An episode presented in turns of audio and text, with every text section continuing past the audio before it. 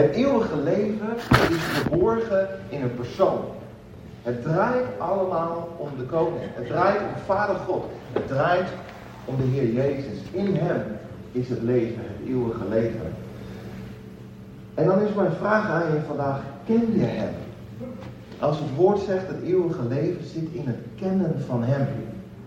En dat bedoelen we niet oppervlakkig kennen, want Jezus wil heel graag een intiem kennen.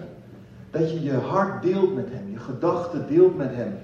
Dat, de hart, dat je hart van Hem is. De Bijbel zegt dat ons hart, daar komt de oorsprong van ons leven uit. Het leven vloeit voort uit je hartsbeslissingen.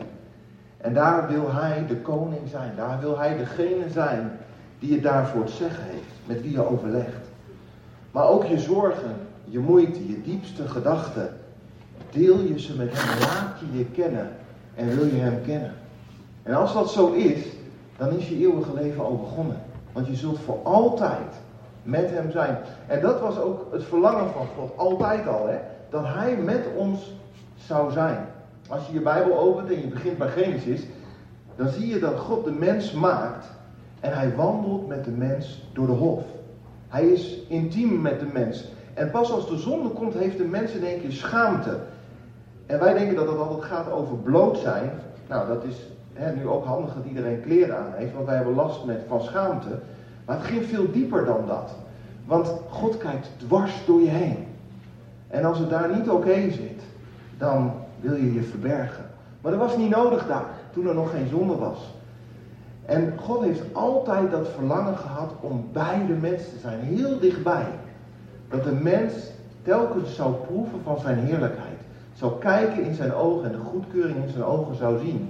En dat zie je als de zonde komt, dan op een gegeven moment komt er de tabernakel, waar God tabernakelt, woont onder de mensen. Er komt de tempel, waar God komt met zijn heerlijkheid in de tempel.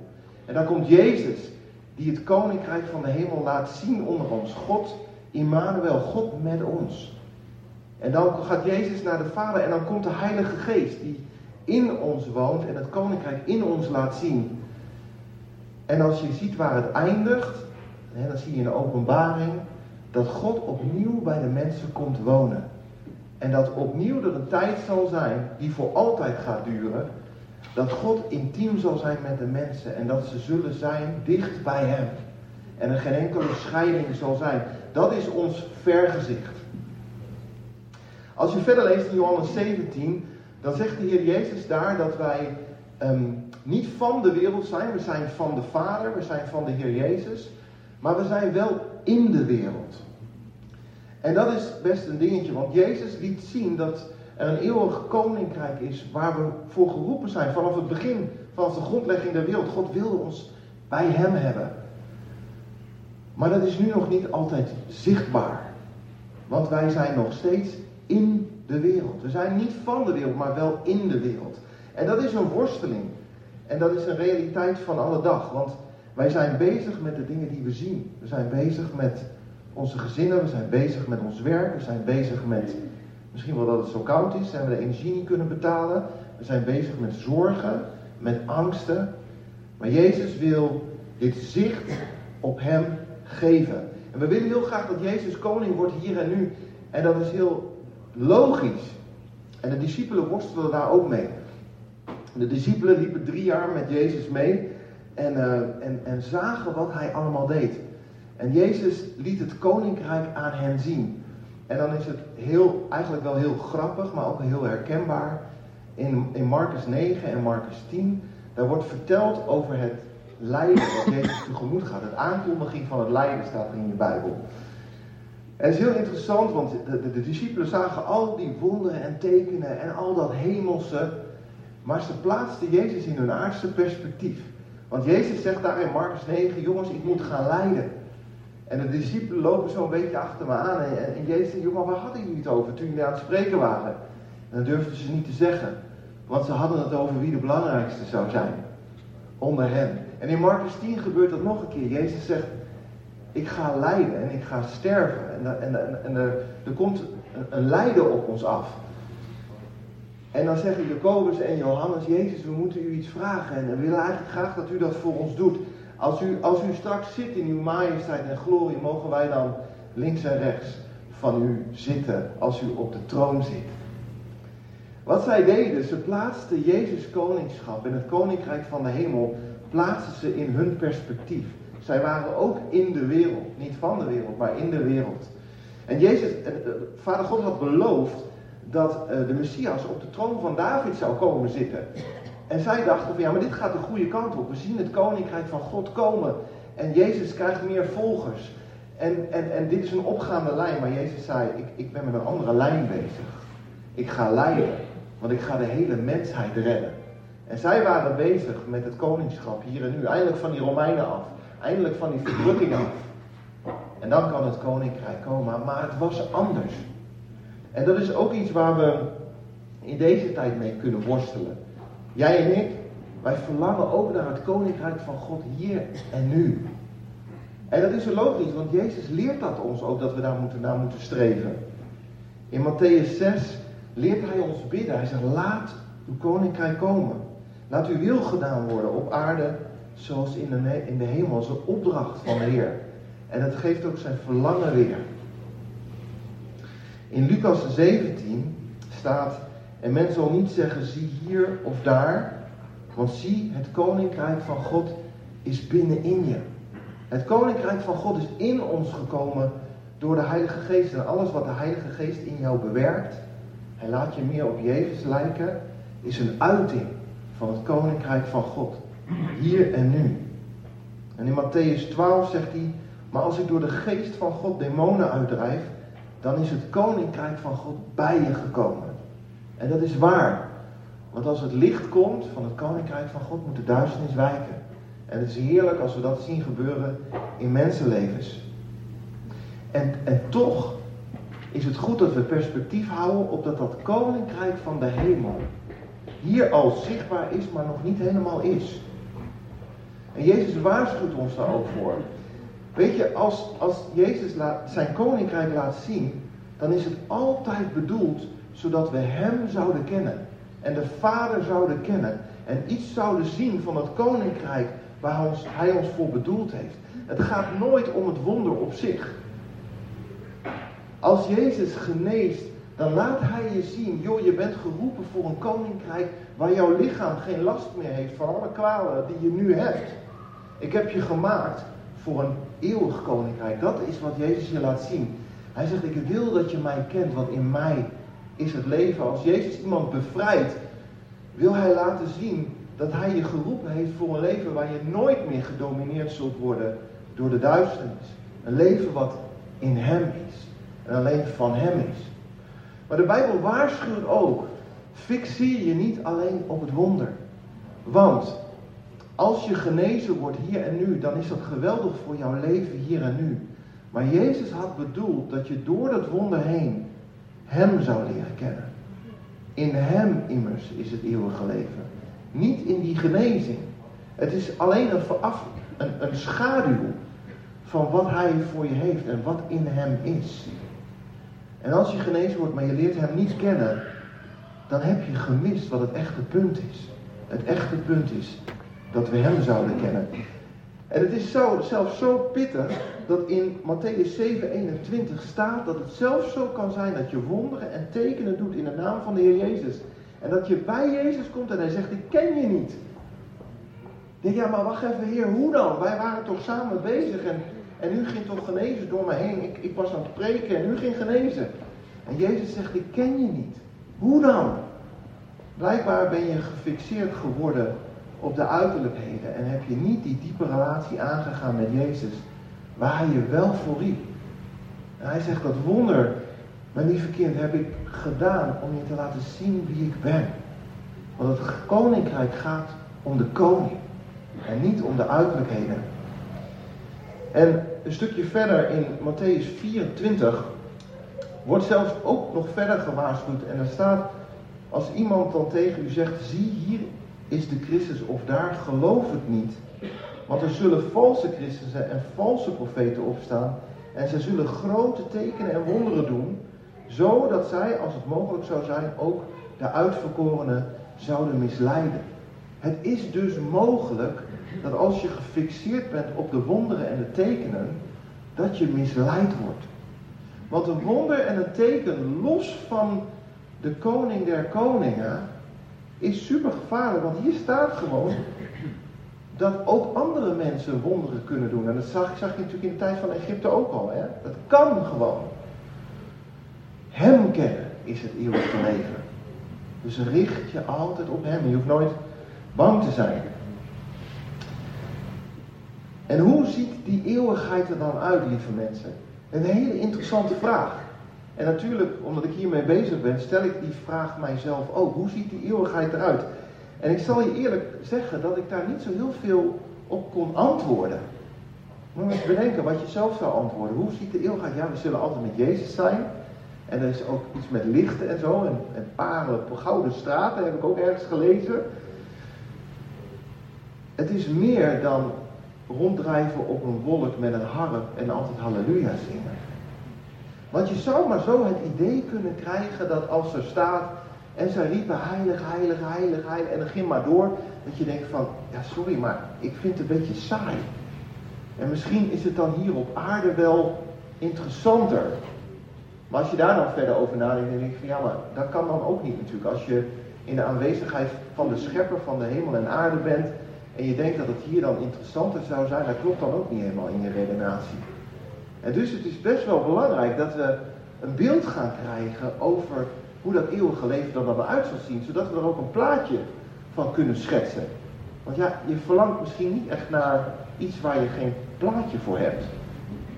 Maar het is wel belangrijk om ermee bezig te zijn, want je keuzes hier maken uit voor daar. En daarom wil ik je gewoon een beetje bijbels meenemen om bijbels te fantaseren over hoe het er dan uit zou kunnen zien. En, en de hele bijbel staat er vol van als je er eenmaal uh, naar gaat kijken. En, en nou, ik wil gewoon een paar dingen uitlichten. Als Jezus terugkomt, dan gaan we hem ontmoeten in de lucht. En dan krijgen we een verheerlijk lichaam zoals Jezus ook had.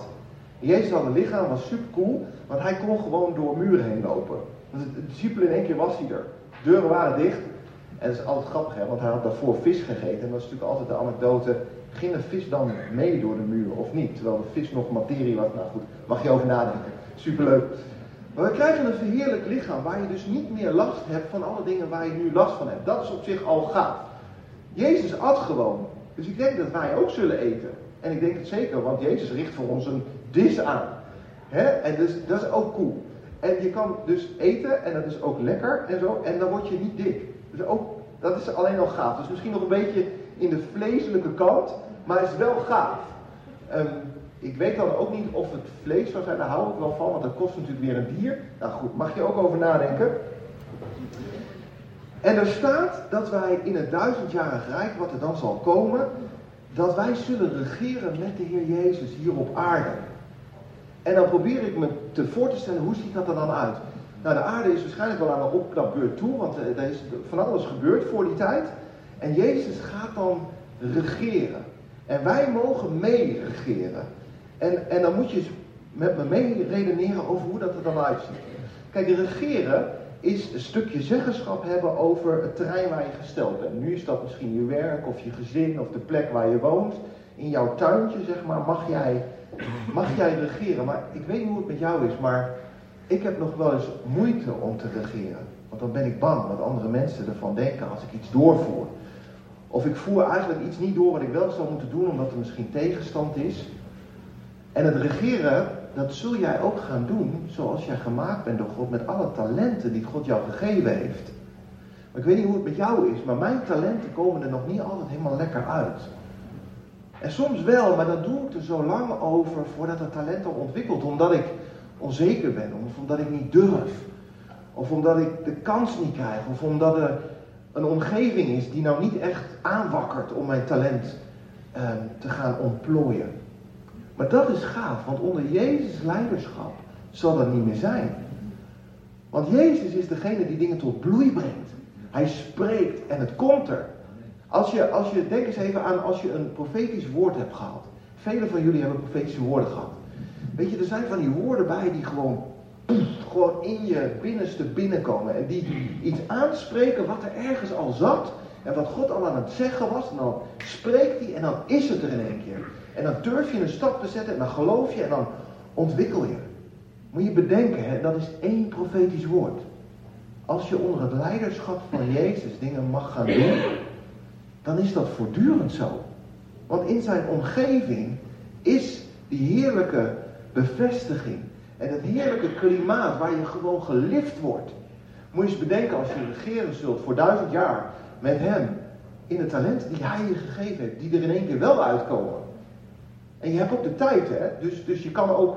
Hè, dus als je, ik heb wel eens als ik dan iemand uh, muziekinstrumentjes spelen, denk ik, oh, dat zou, dat zou ik ook nog eens willen kunnen. Je hebt de tijd, hè? Je kunt ook gewoon dingen ontwikkelen. En dan zou het maar zo kunnen zijn, dat als we aan het regeren zijn met de Heer Jezus, en dan komt aan het eind van die duizend jaar, komt er een eindstrijd. Dan gaat Jezus voor eens en voor altijd het kwaad in de pan hakken. En dan zou het maar zo kunnen zijn dat wij mogen meehelpen. Staat er niet hoor, maar we zijn er. We zijn daar met Jezus en dan gaat het door naar die eindstrijd. En dan zou nou echt iets voor Jezus zijn om ons op zijn minst te laten meekijken en toejuichen van yeah, Jezus go. Maar misschien mogen we ook wel meehelpen. Ik weet het niet, maar het zou echt iets voor Jezus zijn dat hij het kwaad wat ons duizenden jaren heeft gedomineerd, wat ons zo dwars heeft gezeten, dat hij ons meeneemt en zegt, jongens, nu is het klaar. En jullie mogen meekijken. En op de eerste rij zitten op zijn minste. Misschien mogen we wel meehelpen. Ik weet niet precies, maar ik fantaseer maar gewoon even op basis van wat het woord zegt. En dan komt er dat moment dat we allemaal voor de troon van God gaan verschijnen. En dat zal voor sommigen een verschrikkelijk moment zijn en voor sommigen een glorieus moment. En ik lees met je mee uit Openbaring 20. En hij zegt daar, ik zag de doden, belangrijke en gewone mensen. Vind ik ook al zo bemoedigend. Ja, wij mogen er ook zijn. Gewone mensen. Wij mogen gewoon erbij zijn. Voor de troon staan. En er werden boeken geopend. En er werd een ander boek geopend. Het boek van de levenden. De doden werden geoordeeld op grond van wat in de boeken stond. En de dood en het dodenrijk gaven hun doden terug. En ieder werd geoordeeld op grond van zijn daden. En het gave is, als je bij Jezus wordt, sta je in het boek van de levenden. En als je in het boek van de levenden staat, dan krijg je toegang tot het nieuwe Jeruzalem, wat op de aarde zal neerdalen. Dat staat in Openbaring 21. En toen zag ik de heilige stad, het nieuwe Jeruzalem, uit de hemel neerdalen bij God vandaan. Ze was als een bruid die zich mooi heeft gemaakt voor haar man en hem opwacht. Ik hoorde een luide stem vanaf de troon die uitriep: Gods woonplaats is onder de mensen. Hij zal bij hen wonen. Hoor je hem? Wat in de hof gebeurde, in de tabernakel gebeurde, in de tempel gebeurde. Jezus liet het zien, de Heilige Geest kwam. En nu opnieuw, hij zal bij hen wonen. Zij zullen zijn volken zijn en God zelf zal als hun God bij hen zijn. Hij zal alle tranen uit zijn ogen wissen. En er zal geen dood meer zijn. Geen rouw, geen jammerklacht, geen pijn. Want, er was, want wat er eerst was, is voorbij. Hij die op de troon zat, zei, ik maak alles nieuw. En ik ga nog even terug naar die troonzaal. Waar, waar wij allen moeten verschijnen voor de troon van God. En ik zei net, dat zal echt een heftig moment zijn voor de mensen die Jezus niet kennen. Weet je, in dit leven kunnen we nog best wel dingen verbergen. Want wij zien niet alles van elkaar, wat wij in het verborgene doen. Maar op dat moment, als we voor Gods troon staan, dan zal als het ware jouw gedachten en jouw levenskeuzes geprojecteerd worden waar het gewoon zichtbaar is. God kijkt dwars door je heen. Je kunt niks meer verbergen. En God geeft de mensen die, niet, die, die Jezus niet wilden accepteren, geeft hij hun zin. Ze, zij zullen Jezus niet accepteren, maar ook Jezus niet ontvangen. En niemand van ons kan betalen voor zijn eigen zonde. Niemand. En niemand kan zijn eigen oordeel aan. Wij hebben allemaal een oordeel gehad wat we zelf niet eens redden. En dan vinden we iets van een ander, maar als Jezus ons naast diezelfde lat legt, komt het niet goed. En Jezus zegt dan van ja, maar dan ben je dus niet rechtvaardig. En je zult dan zelf die straf moeten dragen, super heftig. Maar voor degene die Jezus hebben geaccepteerd, hem gevolgd hebben, hem gehoorzaamd hebben, komt er genade. En na de genade nog veel meer. Nou, daar ga ik zo op door. Ik wil even dat stukje uit Openbaring 21. Ik las, hij zal alle tranen uit hun ogen wissen. En weet je, dat is niet zo van, eh, nou, ik heb het even te slecht en dan, uh, ah, en door. Zo is het niet. Zo is het niet. Want Vader God is de beste therapeut die je maar kan bedenken. En in de psalmen staat dat hij je tranen verzamelt in zijn kruik. Hij weet elk moment van verdriet. Elk moment waar je zo geraakt was. Waar je zo intens verdriet had. Waar je hier op aarde dacht. Heer, hoe kan dit? Hoe kan dit? U kan u dit toelaten? En waar bent u nu? En Jezus gaat met jou afdalen in dat verdriet. En hij gaat je laten zien waar hij was. En dat hij met je was. En dat zijn hart huilde met jou. Omdat hij zo van je houdt. En hij pakt het verdriet met je uit. En hij zegt maar, mijn kind, ik ga je herstellen. Ik ga je troosten. Ik ga je genezen. En dan gaat hij verder met jou naar je volgende moment van verdriet. En naar je volgende. En naar je volgende. Hij is grondig. En hij heeft de tijd. Hij zal het echt herstellen en genezen. Elke traan zal hij afwissen van jouw ogen. En dan, als wij uh, het oordeel van God voorbij zijn en wij hebben toegang in het Jeruzalem, dan is hij niet alleen iemand die oordeelt, maar hij is ook een beloner. Laat me heel duidelijk zijn, niemand komt door zijn werken het eeuwige leven binnen. Je kan dat helemaal niet verdienen. Niemand van ons kan dat verdienen. De enige grond waarop we binnenkomen in het eeuwige leven met Heer is door het bloed van het lam. Is door Jezus. Door Jezus die onze schoon schoonwast. Maar dan, dan zijn we er en dan wordt er wel degelijk gekeken naar wat iedereen heeft gedaan. Er is beloning. En dat is een beetje eh, in onze theologie soms nog een beetje lastig. De meeste mensen zeggen, ja, doe mij maar Jezus alleen, dat is goed. Maar zo, dat, dat is niet bijbels. Het is bijbels dat de Heer Jezus een beloner is. En de Heer Jezus is een veel extravagantere beloner dan wij Nederlanders zijn. Wij Nederlanders zijn een beetje van, nou, doe maar. Normaal doe je al gek genoeg. Nou, Jezus gaat echt gek doen. Je bent echt, je zult nog geschokt zijn. En waar Jezus mee bezig is in het hier en nu, en dat staat in 2 Korinthe 4. Je mag trouwens allemaal maar aantekeningen hebben hoor, dat kun je gewoon aanvragen. Dus je hoeft niet alles te schrijven. In 2 Korinthe 4 staat, daarom verliezen wij de moed niet. Integendeel, ook al vergaat onze uiterlijke mens, toch wordt de innerlijke mens van dag tot dag vernieuwd. Want onze lichte verdrukking, is wel grappig, Paulus noemt de dingen lichte verdrukking, terwijl die had best wel wat te verduren hoor die van korte duur is, brengt in ons een alles overtreffend eeuwig gewicht van heerlijkheid teweeg. Zeg weer zo'n volzin, hè? Een alles overtreffend eeuwig gewicht van heerlijkheid teweeg. Wij houden voor onze ogen immers niet gericht op de dingen die men ziet, maar op de dingen die men niet ziet. Want de dingen die men ziet zijn tijdelijk, maar de dingen die men niet ziet zijn eeuwig. En dat is ook, om even ook nog wat theologie die nu wel eens wat gepredikt wordt, even ook lek te schieten. Um, Jezus is niet primair geïnteresseerd in jouw comfort op aarde. Zullen we die even neer laten dalen? Ja? Ja, maar wil Jezus mij niet zegenen dan? Ja, zeker. Hij wil je zegenen. Wil hij niet dat, dat ik voorspoed heb dan? Zeker wil Jezus. Dat is hartstikke bij. Maar Jezus zit weer op een ander level. Net als de discipelen dachten, ja, maar Jezus gaat hier nu koning worden. Jezus zegt, nee, maar ik ga dood, ik ga de hele mensheid redden. Ook met betrekking tot ehm, de eeuwigheid en hoe hij jouw comfort beziet, heeft hij een eeuwig perspectief. En waar Jezus op uit is, is misschien wel om jou in een situatie te plaatsen waar je echt helemaal geen fijne collega's hebt, om te kijken hoe jouw geduld gaat rijpen. Vrucht van de geest, hè mensen? Geduld. En misschien gaat er wel iets verschrikkelijks met jou gebeuren. En dan zit Jezus te kijken, ga je wraak nemen?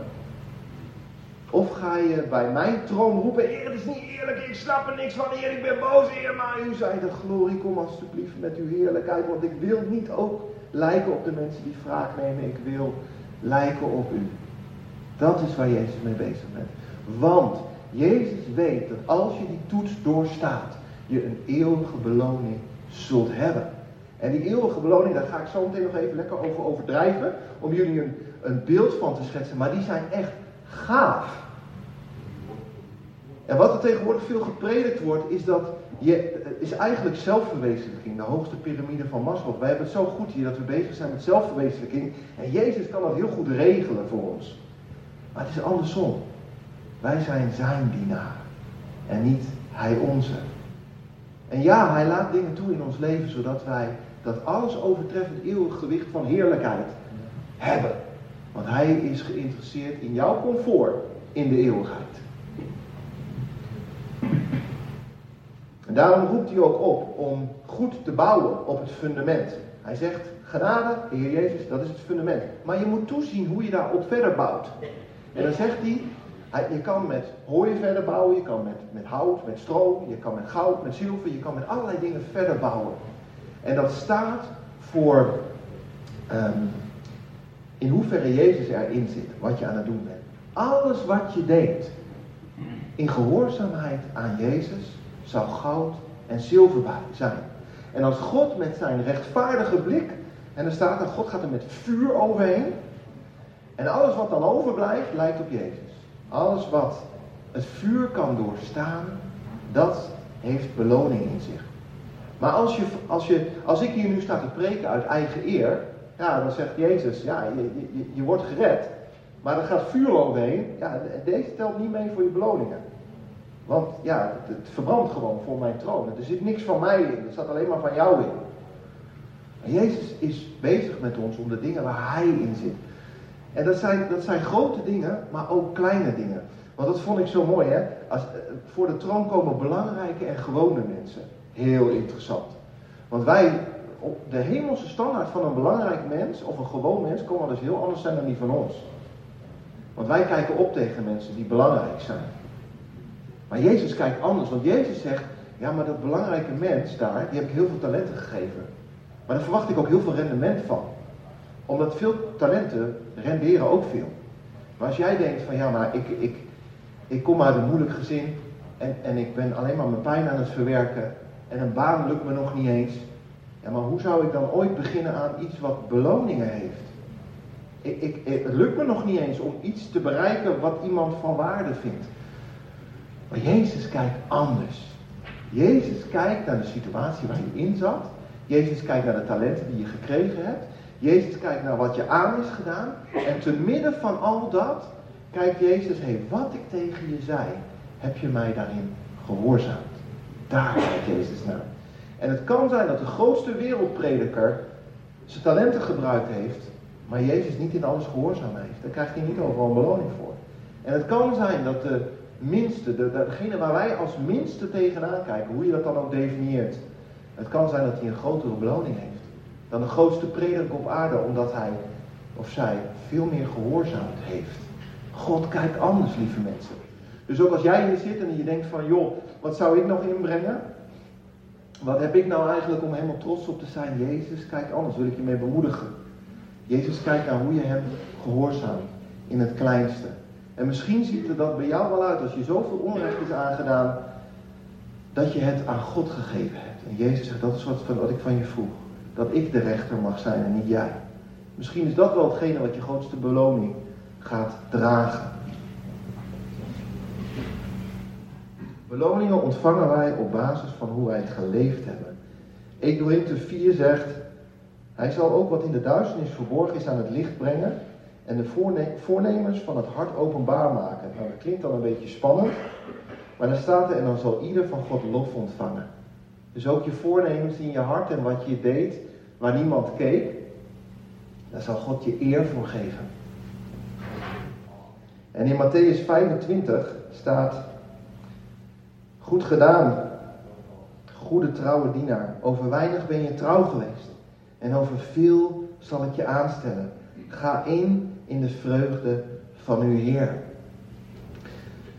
En voor wie overwint, openbaring 3, hij zal bekleed worden met witte kleren en ik zal zijn naam beslist niet uitwissen uit het boek des levens, maar ik zal zijn naam beleiden voor mijn vader en de engelen. Moet je eventjes proberen een plaatje te schetsen.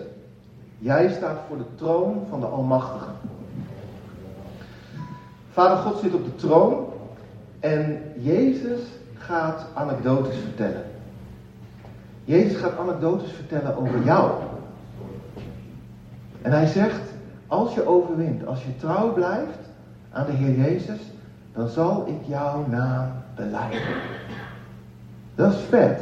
Want dan sta je in de troonzaal, een machtige troonzaal, voor de engelen, allemaal engelen. En misschien zijn de heiligen er ook wel. Ik denk dat ze wel meekijken. Dat is wel gaaf om elkaars verhalen te horen. En dan, en dan zegt Jezus, Rick. We gaan even op Rick de Riks inzoomen.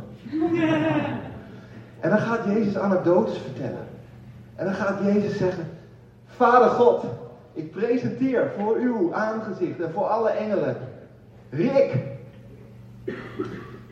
En ik neem je mee naar het moment dat hij het moeilijk had thuis. En hier, we nemen hem even mee naar het moment dat hij knielde voor zijn bed. En zei, heer, ik weet het allemaal niet, maar ik geef het aan u. En ik wil u de eer brengen te midden van mijn verdriet.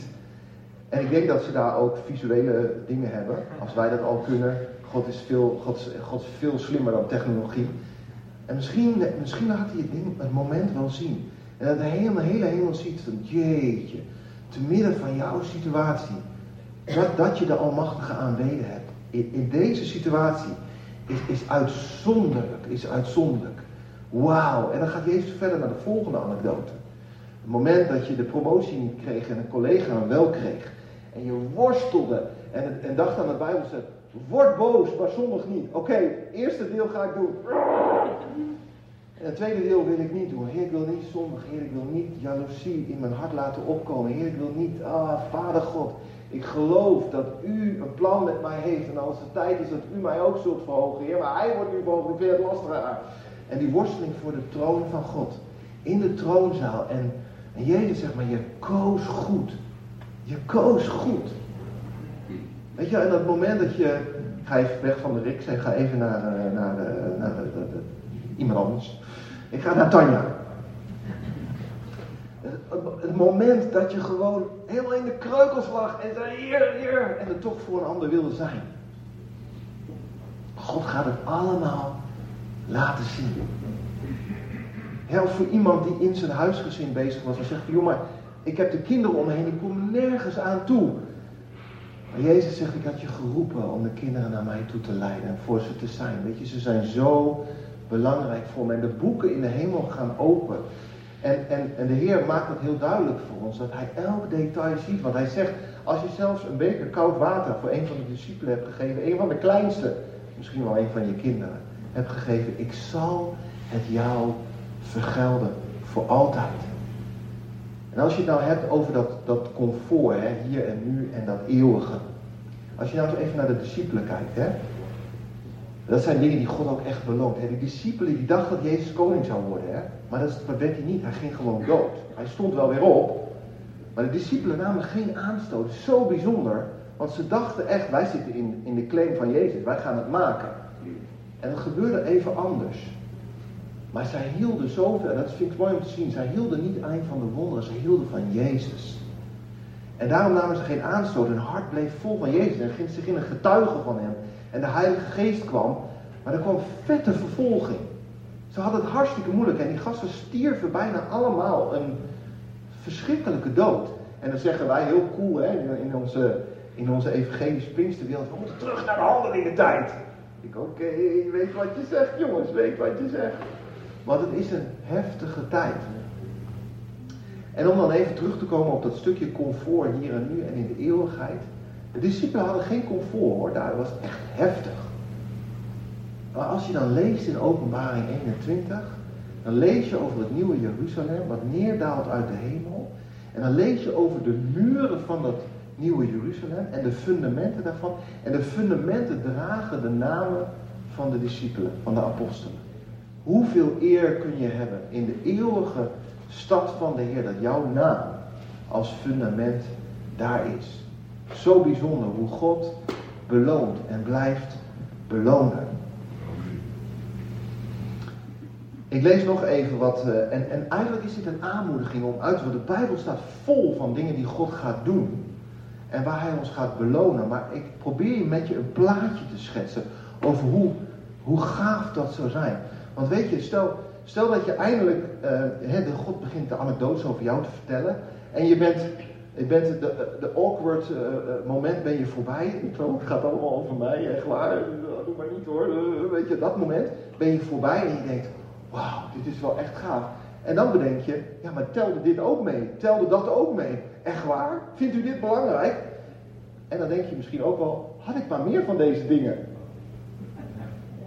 Ja, en daarom spreek ik met jullie hierover.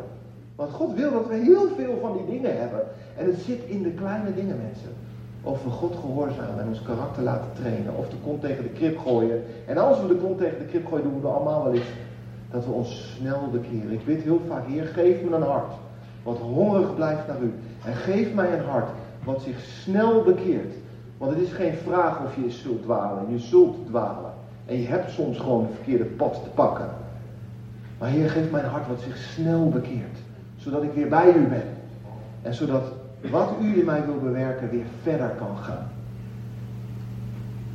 Want ik gun je allemaal dat je daar voor de troon staat en dat de Heer niet ophoudt met Hij heeft de tijd, hè. Hij kan ook gewoon lang besteden aan jou. Super gaaf. Goed, ik lees nog even een paar ehm, beloningen voor. Wat ik net al zei, Matthäus 10 staat dat. Wie een van deze kleine slechts een beker koud water te drinken geeft, omdat hij een discipel is. Voorwaar, ik zeg u, hij zal zijn loon niet verliezen. Matthäus 16.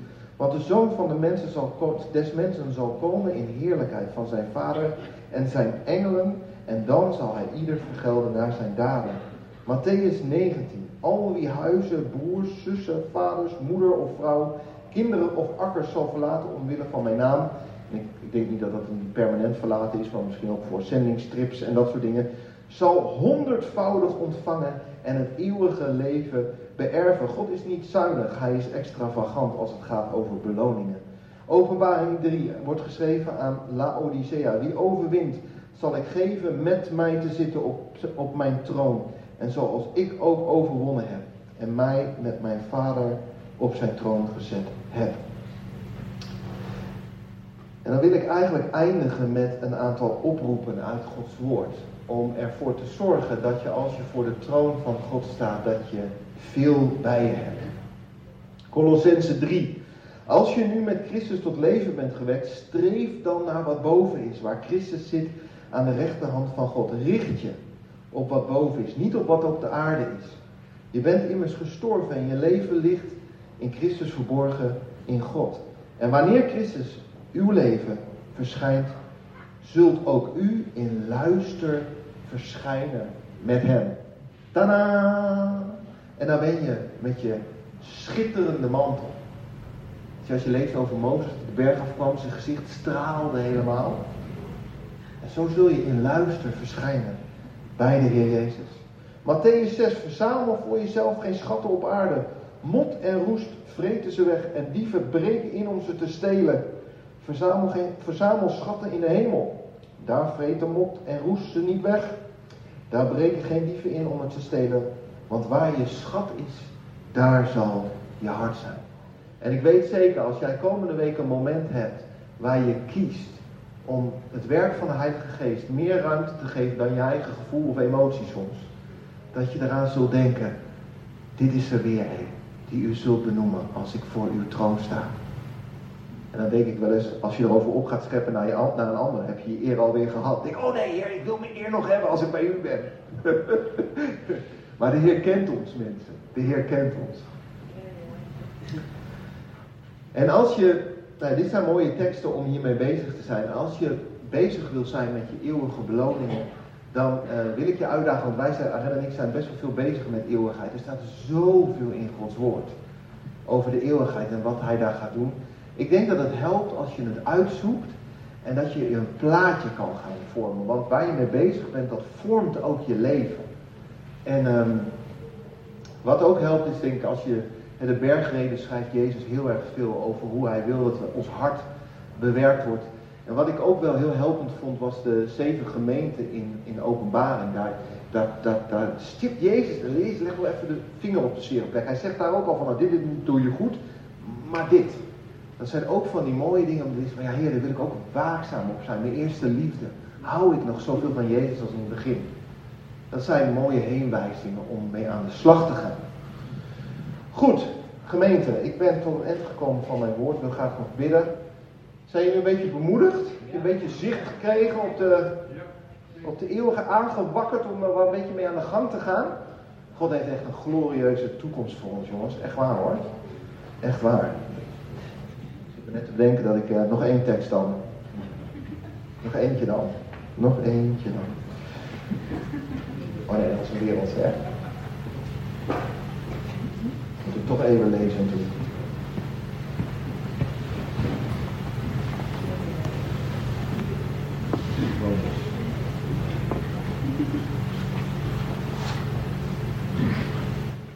Ik kan hem niet vinden. Ik wilde zeggen, dat wat in geen mensenhart is opgekomen, dat heeft God voor je klaar liggen. En dat is, dat is het verhaal. Je hebt nog niet eens, je kan, je kan niet gek genoeg fantaseren. God heeft meer.